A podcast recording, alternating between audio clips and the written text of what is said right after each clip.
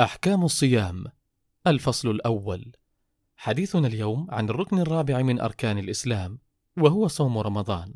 والصيام هو التعبد لله تعالى بالإمساك عن الأكل والشرب وسائر المفطرات. من طلوع الفجر وهو وقت أذان الفجر إلى غروب الشمس وهو وقت أذان المغرب.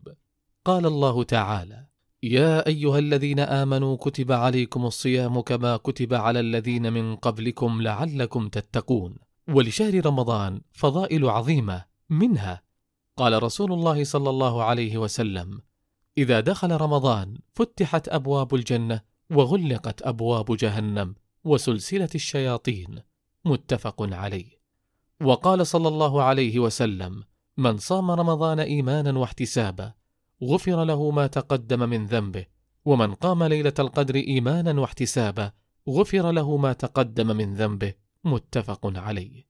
وقال صلى الله عليه وسلم في فضل الصوم كل عمل ابن آدم يضاعف الحسنة عشر أمثالها إلى سبعمائة ضعف. قال الله تعالى إلا الصوم فإنه لي وأنا أجزي به. يدع شهوته وطعامه من أجلي.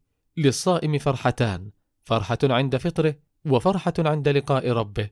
ولخلوف فيه أطيب عند الله من ريح المسك. رواه البخاري. ويجب صيام رمضان على المسلم البالغ العاقل المستطيع ومن كان مريضا يشق عليه الصوم أو خاف زيادة المرض بصيامه أو مسافرا فيجوز لهما الفطر ويقضيانه إذا زال عذرهما ومن كان مرضه مزمنا لا يرجى شفاؤه يفطر ويطعم عن كل يوم مسكينا وكذلك من لا يطيق الصوم لكبر سنه.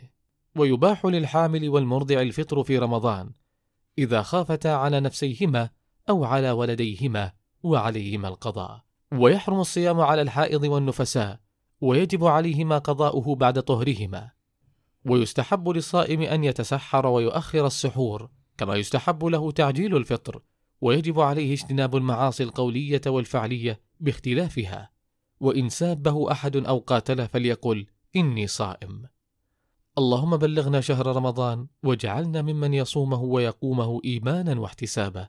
نكتفي بهذا القدر ونلتقي في اللقاء القادم بمشيئة الله لنتحدث عن مفطرات الصوم ومبطلاته.